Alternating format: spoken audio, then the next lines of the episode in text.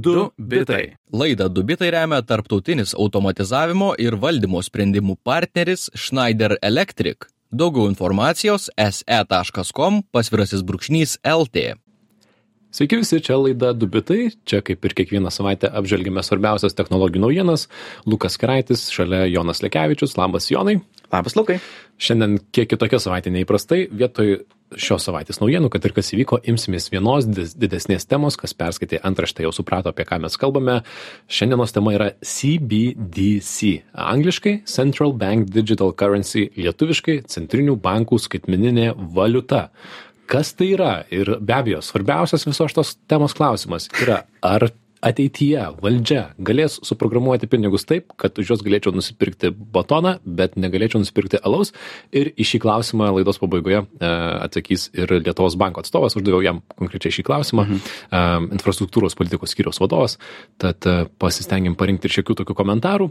Bet mhm. tema sudėtinga ar ne? Nelengvo iššūkio mes čia taip ji šiek tiek pradeda lįsti iš to mūsų saugaus technologinio burbuliuko kur pradedam vau pradedam kalbėt apie makroekonomiką ir kas yra pinigai bet aš manau mes įveiksim šitą kad šiek tiek komplikuotą temą bet įveiksim. tuo labiau kad lietuvių kalba e, jeigu pagugl paguglintumėt cbdc labai daug turinio apie tai labai daug e, visokie finansų influenceriai apie tai kalba sąmokslo teorijų kiek jau daug sukurta šita tema aš buvau labai nustebęs. Labai daug e, tokio bandymo sukurti kažkokią labai intrigą nors tiesą pasakius nieks čia dar neaišku kaip viskas atrodys kaip čia bus ar nebus ir apie viską iš, iš pradžių. Tai šią akimirką su CBDC technologija ir idėja jau na flirtuoja. devyniasdešim procentų pasaulio centrinių bankų šešiasdešim procentų centrinių bankų visame pasaulyje eksperimentuoja su juo. Keturios valstybės yra jau paleidusios savo cbdc tai yra bahamų salos e, karibų centrinis bankas e, nigerijos enaira yra tokia na valiuta ir jamaikos bankas. E, be abejo taip pat pakalbėsime ir apie e eurą ir apie jungtinių valstijų šiek tiek e dolerio idėją apie mhm. kinijos elektroninį juanį bet jeigu pradėk reikėtų pradėti nuo pradžių tai šiek tiek apie pinigus visi žinome kelias pinigų rūšis ar ne na taip man mhm. atrodo sąžininga vadyti yra vadinti yra grynieji visi žinom kas tai yra sunkiai susekami patinka turgaus prekeiviui nelabai patinka tikriausiai valstybei ir mokesčių surinkėjui mhm. nes šešėlį su jais tikrai lengviau padaryti negu jo. aš tik čia pridėčiau grynieji yra dar įdomus tuo jog iš vienos pusės mažiausiai susekami iš kitos pusės tikras toks tiesioginis sąryšis su centriniu banku nes kai tu mhm. pažiūri į tai kas parašyta ant pinigo iš išdavė centrinis bankas pasirašė centrinio banko vadovas. Tad čia toksai įdomus niuansas manau prie jo grįšim. Taip taip labai svarbu. Kitas pinigų tipas sakykime yra pinigai laikomi banke arba šiuolaikiniai skaitmeniniai pinigai kuriuos turite galite pasiekti per savo mobilaus banko programėlę ir galite pervesti vieni kitiems per komercinius bankus. Mhm. yra dar trečia pinigų rūšis taip pavadinkime prie atsirado prieš keliolika metų tai yra kriptovaliutos. Na centriniai bankai ir kiti bankai gal sakytų sakytų ne ne čia nėra valiuta la la la ginčytųsi nesvarbu bet tai yra kitoks pinigų ir vertės perdavimo būdas tai yra decentralizuotos transakcijos nėra nė neva nėra vienos centralizuotos organizacijos kartais yra kartais nėra kuri mhm. būtų už viską atsakinga nėra vieno nu valdytojo tad sunkiau juo nusivilti na mažiau tarpininkų ir panašiai tad cbdc tai yra centrinio banko skaitmeninės valiutos būtų tarsi ketvirtas būdas ketvirtas pinigų tipas ar ne mhm. pačia paprasčiausia paprasčiausia forma kaip jeigu tą suvesti vieną sakinį šitie cbdcs būtų tiesiog būdas turėti banko sąskaitą tiesiai centriniame banke kas padarytų tai kažkur tarp grynųjų kuriuos išleidžia centrinis bankas ir tiesiog sąskaitos banke tai ką mes turime visuose komerciniuose bankuose mhm tad lietuvoje tai būtų na europos centrinio banko banko veikla mum aktualiausia mhm. dabar laikas šiek tiek e, pinigų istorijai pinigų istorija su jonu tokia rubrika mūsų laidoje atsirado neseniai bet e, prieš ją dar pasakysiu kad tema sudėtinga šiaip tiesą pasakius daug kas dar neaišku viskas yra vystoma viskas yra ant klaustuko viskas galbūt keisis tad priimkime viską na palengva ir be panikos nes nėra ko panikuot su mhm. dideliu smalsumu nes yra visai įdomu suprasti kaip mes atsidūrėme situacijoj kur dabar esame mhm. ir kokius iššūkius turės tie centriniai bankai kurdami kažką. Galim praleist visas tas kriaukleles metalo pagaliukus manau pirmieji pinigai ar ne? Nu čia protmūšis geras iš to gaunasi mhm. aktuali manau pradžia yra kada atsiranda valstybės išleidžiami pinigai kažkokios monetos su karaliaus ar imperatoriaus atvaizdu kurie pradeda jungti valstybę su ekonomika aišku monetomis nau naudojami pagrinde taurieji metalai ir didžiąja dalimi monetos vertė nėra pasitikėjimas imperatoriumi bet labiau metalas iš kurio yra pagaminti pinigai. Tad tai nėra labai toks centrinis bankas kuris gali reguliuoti pinigų išleidimą. Kita įdomi inovacija šitoj pinigų istorijoj ir aš aišku visą šitą istoriją taip sutraukiu ir taip sutrumpinu jog beveik nieko nelieka bet vis tiek tokia kita įdomi inovacija buvo bankai. Tai yra vieta kur tu gali tiesiog pasidėti pinigus. Jie tavo auksą laikys už tave. Bankai suprato jog normaliu periodu kai nieks nepanikuoja nieks nepasiims visų pinigų atgal. Ir vadinasi dalį tų pinigų galima paskolinti kitiems e, duoti palūkanas iš tų paskolų tiems kas davė jiems indėlius ir tokiu būdu padidinti pinigų kiekį ekonomikoje. Įsukti ekonomikos vilkelį e, truputį padauginam pinigų iš oro išrandam frakcinius rezervus tai yra turime ne visus tuos pinigus kuriuos esame pažadėję žmonėms bet ekonomika sukasi visi laimingi einam užkariauti kitų šalių. Snoro bankas šitą gerai išnaudojo ar ne? Taip. A, kita bankų inovacija su tuo susijusi buvo popieriukas reprezentuojantis tavo indėlį. Popieriukas ant kurio parašyta aš tau skolingas tiek ir tiek. Jeigu įdedi dolerį į banką bankas tau išduoda tą patvirtinimą notą kuri sako jog tas kas turi šitą patvirtinimą gali iš to banko išsiimti dolerį. Tokia štai banko nota banknota. O banknota ar ne? Ir įdomus faktas beje tai taip ir atsirado skaitmenys. Pirmieji užrašyti skaičiai yra skolų rašteliai Taip Hmm. ačiū, ačiū, ačiū skolintojams. skaičių istorija su Luku. um, tai reiškia, jog tie banknotai tapo pinigais savaime. Tas, kas turi vieno dolerio banknotą, turi teisę vieną dolerį bankę ir tu gali kainų daugmaž įsivaizduoti, jog pats banknotas jau vertas vieno dolerio. Um, tad galima sakyti, tokiu būdu bankai sukūrė privačius pinigus, tokius decentralizuotą būdą sukurti pinigus. Ir kuo, kas turbūt buvo didžiausias toks išnaudojimas šitos idėjos, jog tokiu būdu jie galėjo skolinti pinigus net ir neturėdami depozitų banke. Tiesiog išrašyti daugiau papiriukų. Aš tau skolingas tiek ir tiek.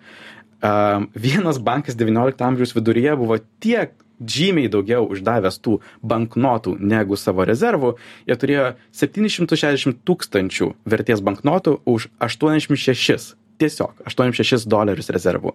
Tad, A, 86 gal tūkstančius. ne, ne tūkstančius. A, tiesiog. Jungtinių valstijų, ar ne, bankas. Taip, vadinamais tokiais laisvaisiais Neblogai. laikais. Um, tad neilgai truko, kol valstybė suprato, jog šitie laisvi iš oro gaminami pinigai prie gero neprives, tokius dalykėlius reikia stabdyti, banknotų monopolija buvo pervesta centriniam bankui. Ir tas iš esmės sukūrė sistemą, kurią turime dabar, kur centriniai bankai turi ryšį su ekonomika tuo, jog jie nustato tokią bazinę palūkanų normą, e, pinigų kainą, kaip komerciniai bankai gali skolintis iš centrinių bankų ir tokiu būdu sukurti naujus pinigus, jeigu yra pinigų poreikis. Piliečiai beveik niekaip nebendravo su centriniu banku, išskyrus, jog turi jų banknotus, laiko pinigus komerciniuose bankuose, kaip esu tikras, jūs visi darote, skolinasi iš komercinių bankų, būsto paskolos taip toliau. Iš esmės žiūrime tik tai, kiek centriniai bankai kelia palūkanas, ar Mhm. ne, nežinome tada, kur linkiais ekonomika. Bet šiaip tai centriniai bankai, na, paskaitom naujienos ir, ir tiek. Būtent, atrodo, sistema visai gerai veikia, yra tam tikros iškylančios problemos. Um, viena tai, aišku, bankai, kad ir kaip jie reguliuojami, vis tiek gali būti šiek tiek nepatikimi, gali bankrutuoti, gali sugriūti, aišku, bandoma apdrausti tuos rezervus ir taip toliau, bet uh, vis tiek, centrinis bankas turi tokį tikrą autoritetą, galima sakyti.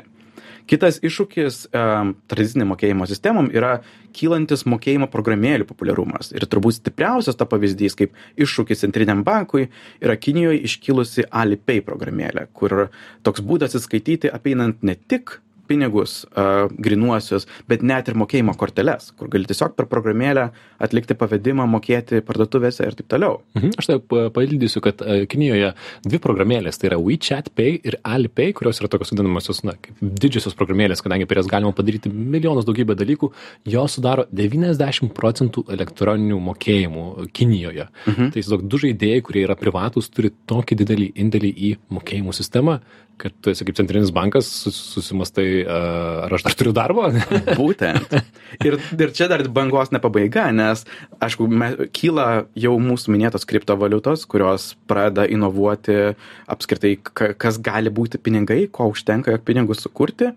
Um, Na ir aišku, centriniai bankai nori išlaikyti tą kontrolę.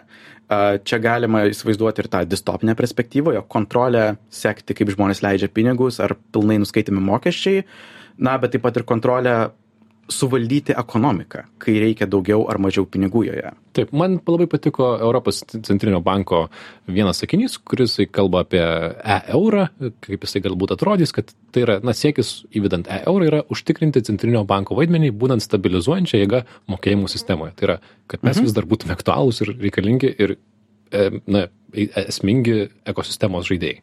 Taip. Tad atsakas yra šitie CBDCs. Um, arba vėlgi sugrįžti prie to vieno sakinio - banko sąskaitos turėjimas centrinėme banke. Ir galime pereiti per ką galim daryt komerciniam banke, ką galėtume daryti centrinėme banke. Mhm, nes tas pavadinimas klaidinantis, nes skaitmeniniai pinigai tai jau atrodo yra, ar ne, juk aš programėlę naudoju. Tad turėti sąskaitas abiejose galime. Uh, turbūt čia yra visa esmė, jog mes turėtume savo sąskaitą centrinėme banke, kur garan, valstybė savo visą jėgą garantuotų, jog viskas bus ok tavo pinigams. Pervesti pinigus iš abiejų, tiek iš komercinių, tiek iš centrinių bankų. Nes vėlgi turbūt vienas iš tokių privalumų yra, jog tu gali greitai atlikti pavedimus kitiems, be jokių sudėtingumų bankinių sistemų, tiesiog centrinėme banke. Ir taip jau ir atrodo tas vienas iš prototipų FedNow esantis JAV, kuris dar neprieinamas paprastiems žmonėms, bet skirtas institucijom tiesiog per centrinį banką akimirksniu pervesti pinigus. Einam toliau. Išsimti grinuosius. Aš spėčiau, turbūt bus galima iš abiejų, tai yra bankomatai ir visa kita. Um, aišku, čia jau prasideda variacijos dėl tikslų, kokios šalys to nori siekti, mhm. kaip apskritai mato grinuosius, ar mato, tai kaip problema, bet bendrai, manau, galime tikėtis, jog turbūt iš abiejų, tiek centrinio banko, tiek komercinio, galėsime išsiimti grinuosius. Ar galima iš centrinio banko gauti paskolą?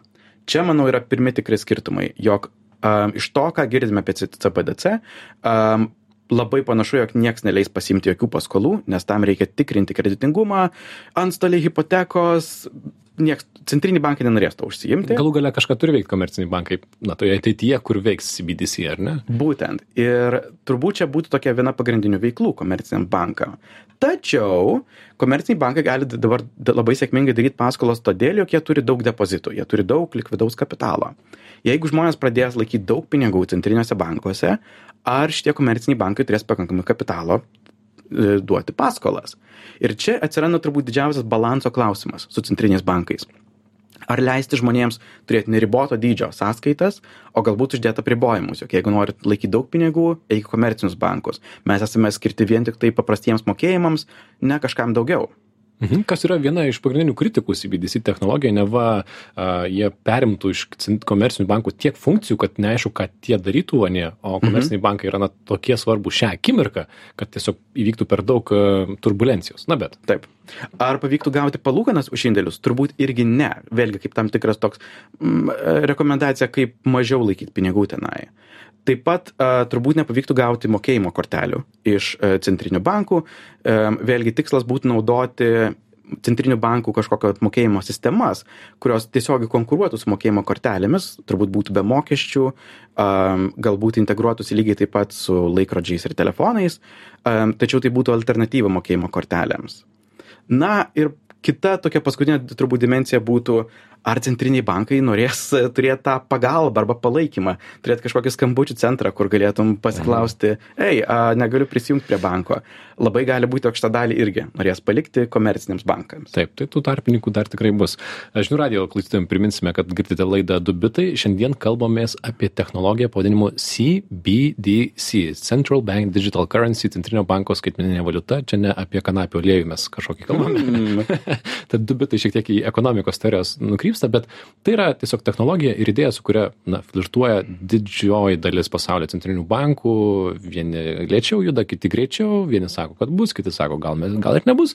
Tai galim trumpai pakalbėti, kas šią akimirką jau yra padaryta. Mhm. Na, tikrai verta paminėti apie Kinijos e-juanį, digital renminbi, atsiprašau, neištariu, daug pavadinimų jis turi Kinijos skaitmeninė valiuta, kadangi jau 14 metais Kinija paskelbė, kad imsis Centrinio banko skaitmeninės valiutos projekto, nuo 17 metų testuoja, išdalino žmonėms iš tikrųjų tokių, tokių pinigų po truputėlį per loteriją.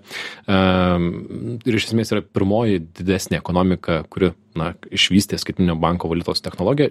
Sakoma, šią akimirką jau mažiau negu na, dešimtadalį procento, 13, 13 dalių procento sudaro Kinijos centrinio banko rezervų ta skaitmeninė valiuta ir Hmm, jos dar nėra cirkuliacija populiaru. tikrai nėra populiaru. E, Cirkuliacija yra apie 14 milijardų dolerių, doleriais skaičiuojant. Ir jeigu pažiūrėtume naujienas, tai per paskutinius keliarius metus nieko labai daug naujo nevyko. 19 metais ėmė kalbėti, oho, Kinija veržiasi į priekį ir, ir turi savo skaitinę valiutą, bet panašu, kad nieko labai įdomaus. Man svarbus pastebėjimas, kad neva argumentas, kam Kinė tai daro, kad technologiškai e, konkuruotų su Junktinių valstybių doleriu, kadangi politinė galia negali su juo konkuruoti, tai bando sugalvoti technologiškai pažangesnę valiutą, kurią naudotumės, nes ji labai patogi, kas Taip. visai yra įdomu. Taip, nes centrinė banko šitos skaitminės valiutos, jos iškeltų iššūkį tai tam, kas vadinama rezerviniam valiutom. Tai, ką kiti centriniai bankai laiko kaip savo rezervus. Ir jei, nes jeigu yra labai paprasta migruoti tarp šitų skaitminių valiutų, galbūt šioje vietoje pagaliau juanis galėtų mesti kažkokį iššūkį Mhm. um, doleriui. Tad Kinija iš esmės tikrai pirmauja šitoje technologijoje, bet vėlgi toje šalyje tai nėra, manau, kad jeigu paklaustum eilinio Kinijos, nebūtų girdėjęs apie tai. Aš toks yra mano Mhm. O tuo spėjimas. tarpu tikrai girdėjo apie Alipay ir turbūt naudoja. Taip, faktas. Mums svarbiausias, aktualiausias yra e-euras, a, skaitmeninis euras, tai Eu- Europos centrinis bankas taip pat šią technologiją idėją vysto. Netgi šią akimirką jau skaičiuojama, kad šių metų pabaigoje galbūt galėtų būti na, pradedamas testuoti šitas e, skaitmeninis euras. Galbūt galėtų būti paleistas 25, bet a, kaip išgirsta iš komentarų, vėliau niekas dar nėra aišku. Um, Europos centrinis bankas vieną iš argumentų būtent šito, šito centrinio banko valiuto kūrimui pateikia Big Tech stablecoinus vadinamuosius, kurie na, būna pririšti prie įprastų valiutų, bet vis tiek yra savarankiški. E, Tai tiesiog norima, neva, nenorima, kad Europos technologijos būtų sukurtos ne, ne europiečių ir dominuojamos Europoje, e, žodžiu, kitaip. Bet tiesą pasakius, kaip atrodys skaitmeninis euras, kokios jo bus funkcijos, kas bus galima ar negalima, dar nėra aišku. Dar viskas yra sprendžiama. Manau, kad galime trumpai paleisti ir komentarą e, Lietuvos banko rinkos e, infrastruktūros politikos skyriaus vadovo Tomo Karpavičiaus, jo turėjau pokalbį telefonu, uždaviau tam jam tą vieną svarbiausią klausimą apie bananus, e, kalbėjome daugiau kitomis temomis, bet galiu rezumuoti pokalbį, kad šią akimirką daug kas yra sprendžiama, tad kažko labai stipraus teikti negalima, bet paklausykime mano svarbiausio klausimo ir atsakymo į jį.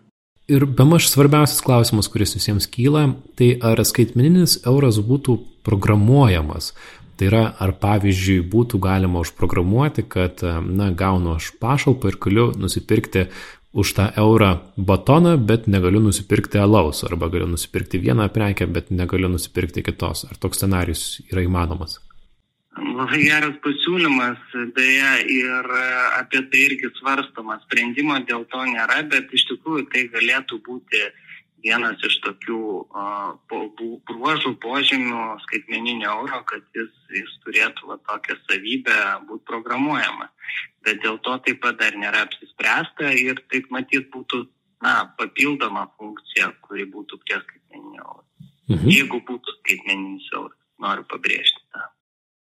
Taip, jeigu būtų, neaišku ar būtų, na, bet tai tokia funkcija, kur visiems turbūt įdomu, ar, ar tai yra įmanoma ar neįmanoma, ar ne? Tad galime trumpai pereiti per tos privalumus ir trūkumus, kurie įvardinami su šitą technologiją, ar ne? A, Nes, nes tie- tiesą sakant, mano reakcija iš, iš šį atsakymą yra, ha, nes beveik visos e, samokslo teorijos kyla būtent iš šito programuojamumo, jog valstybė pradėtų kontroliuoti, ka, už ką yra ok leisti pinigus Taip. ir už ką ne.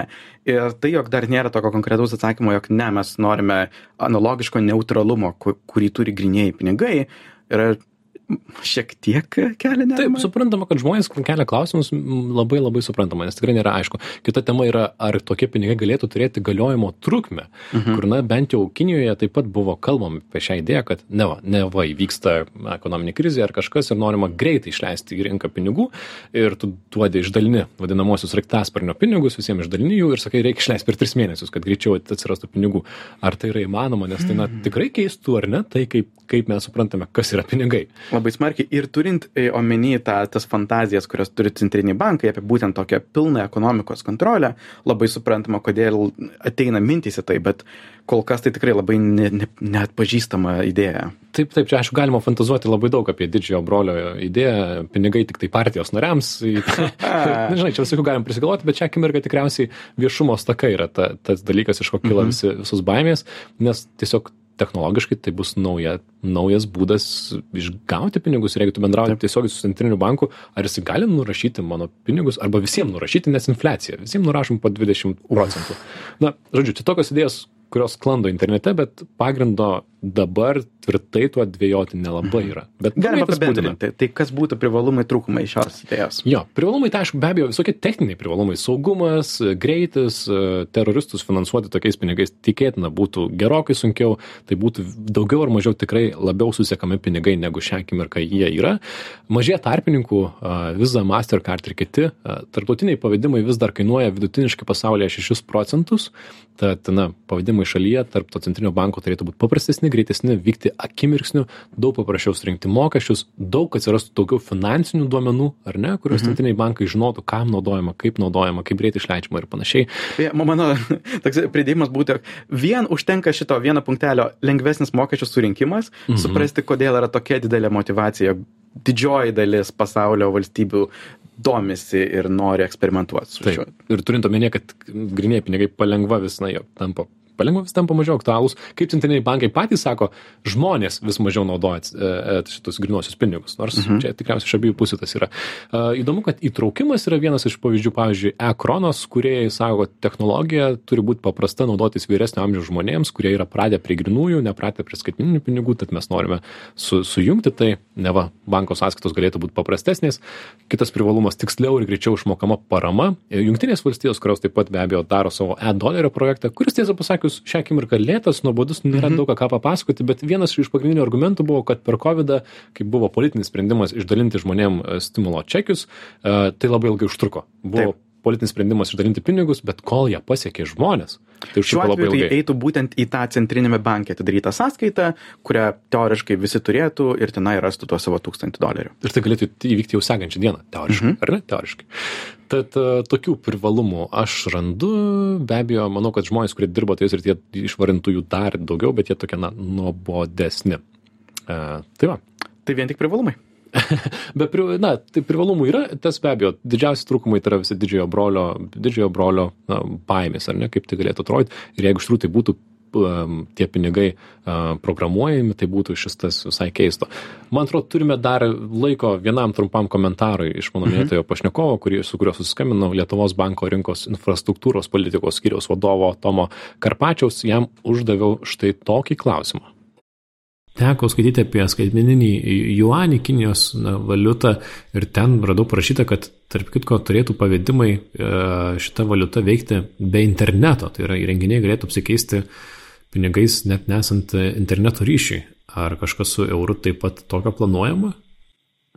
Apie tai taip pat yra e, mąstoma ir, ir taip pat e, tyriama šita savybė galima, kiek įmanoma ją įgyvendinti, kiek jinai gali veikti ir, ir duoti naudą, tai net metu tokios e, galimybės, kad, e, kad jeigu būtų skaitmeninis euras, tai jis būtų toks, kad veiktų be, be ryšio, taip sakant, be interneto ryšio, o tiesiog, na, du prietaisai viens nuo kito tam tikrų ryšio protokolų susisietų ir, ir būtų įvykęs atsiskaitimas netmetu tokios galimybės, bet e, tai yra dar tyriamo etapo dalis ir kol kas negalime jokių išvadų daryti.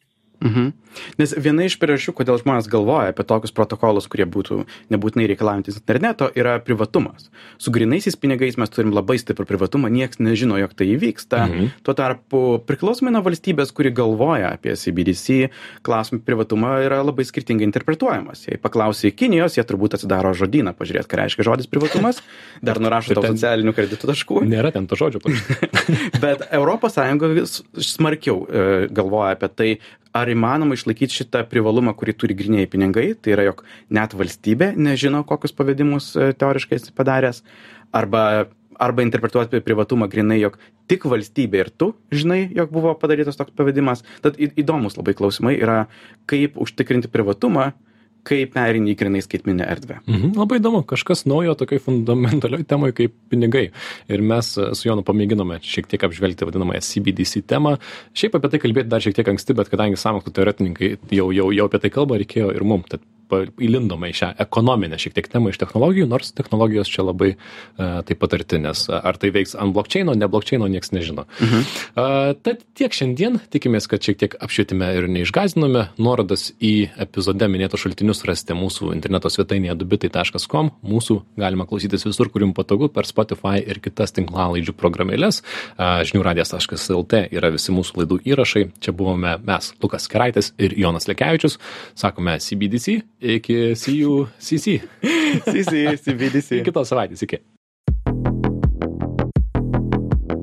Du bitai. Laidą Du bitai remia tarptautinis automatizavimo ir valdymo sprendimų partneris Schneider Electric. Daugiau informacijos se.com pasvirasis brūkšnys LT.